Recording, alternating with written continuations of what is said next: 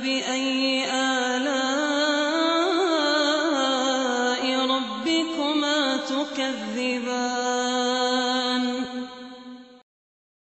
بسم الله الرحمن الرحيم. الحمد لله رب العالمين. أكرم المحبين له بأصناف النعم والجنان وأشهد أن لا إله إلا الله وحده لا شريك له. رفيع الدرجات ذو العرش عظيم الشان. وأشهد أن محمدا عبده ورسوله المبعوث رحمة للعالمين الداعي إلى الله والجنة والرضوان صلى الله عليه وعلى آله وصحبه ومن تبعهم بإحسان إلى يوم اجتمع فيه الثقلان أما بعد kaum muslimin dan muslimat yang semoga selalu dirahmati oleh Allah Subhanahu wa taala. Termasuk cahaya yang sangat agung dan ibadah sangat besar yang perlu direnungi di bulan Ramadan ini adalah kecintaan kepada Allah Subhanahu wa taala dan mencintai segala hal yang Allah Subhanahu wa taala cintai. Allah Jalla Jalaluhu berfirman, walladzina amanu asyaddu hubban lillah. Dan orang-orang yang beriman itu kecintaannya yang terbesar adalah kepada Allah. Ayat ini menunjukkan dua pijakan penting dalam hal kecintaan.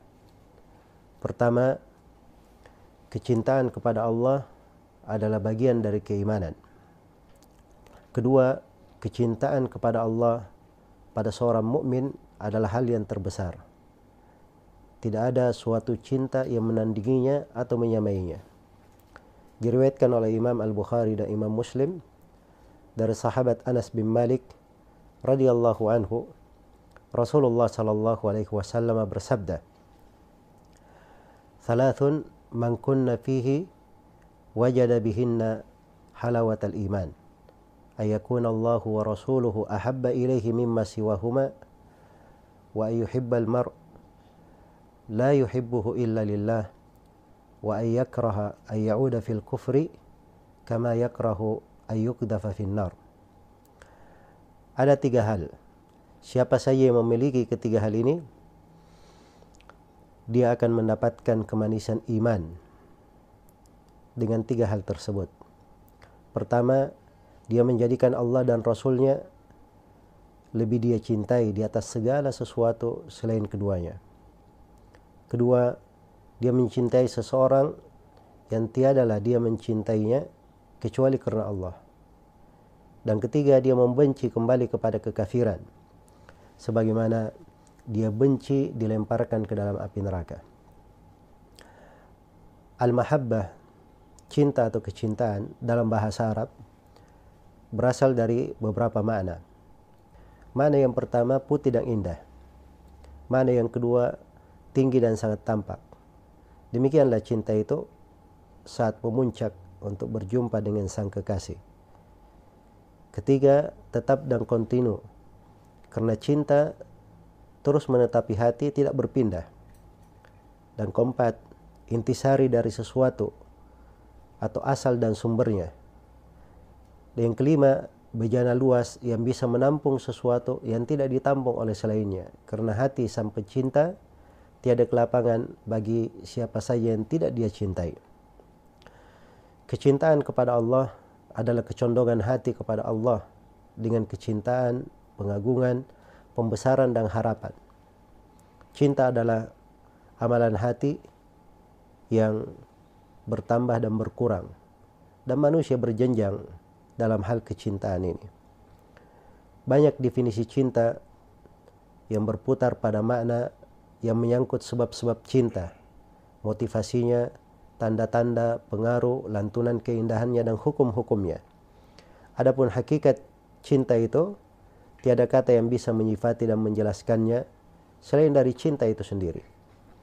Kecintaan kepada Allah adalah wajib dan merupakan pokok agama Islam dan iman dengan menyempurnakannya akan sempurna pula keislaman dan keimanan sebagaimana akan berkurang sekadar berkurangnya cinta kepada Allah Allah Azza wa Jalla menjelaskan tentang wajibnya cinta kepada Allah dalam firman-Nya.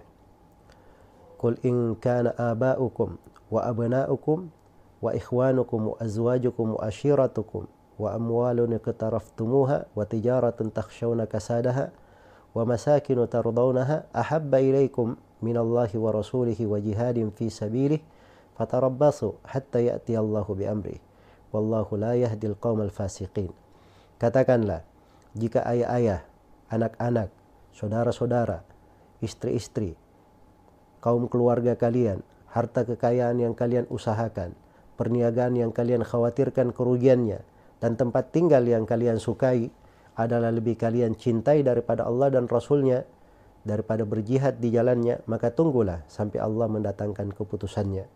Dan Allah tidak memberi petunjuk kepada orang-orang yang fasik.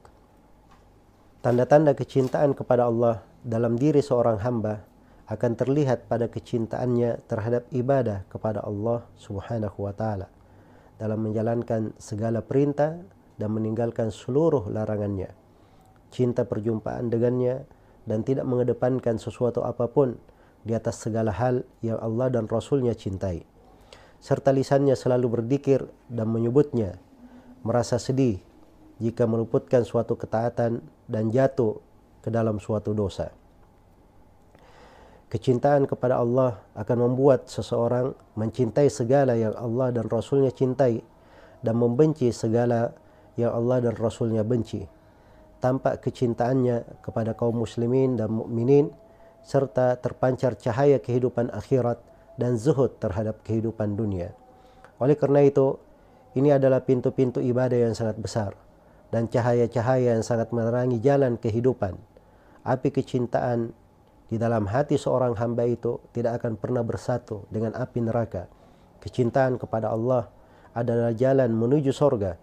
Api kecintaan yang selalu membara dalam diri seorang hamba akan selalu membawanya kepada kebaikan, membuatnya untuk selalu bersemangat menegakkan ibadah kepada Allah Subhanahu wa taala.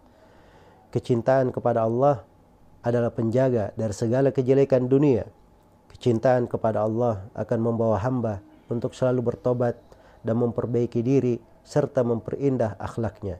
Dalam sebuah hadis yang diriwayatkan oleh Imam Al-Bukhari dan Imam Muslim dari Anas bin Malik radhiyallahu anhu, beliau berkata, بين أنا والنبي صلى الله عليه وسلم خارجان من المسجد فلقينا رجل عند سدة المسجد فقال يا رسول الله متى الساعة Tatkala saya dan Rasulullah sallallahu alaihi wasallam keluar dari masjid kami menjumpai seorang lelaki di tiang masjid lelaki tersebut pun bertanya wahai Rasulullah kapan hari kebangkitan suatu pertanyaan yang menunjukkan kesadaran dan pemahaman si penanya kemana kehidupan ini akan berakhir?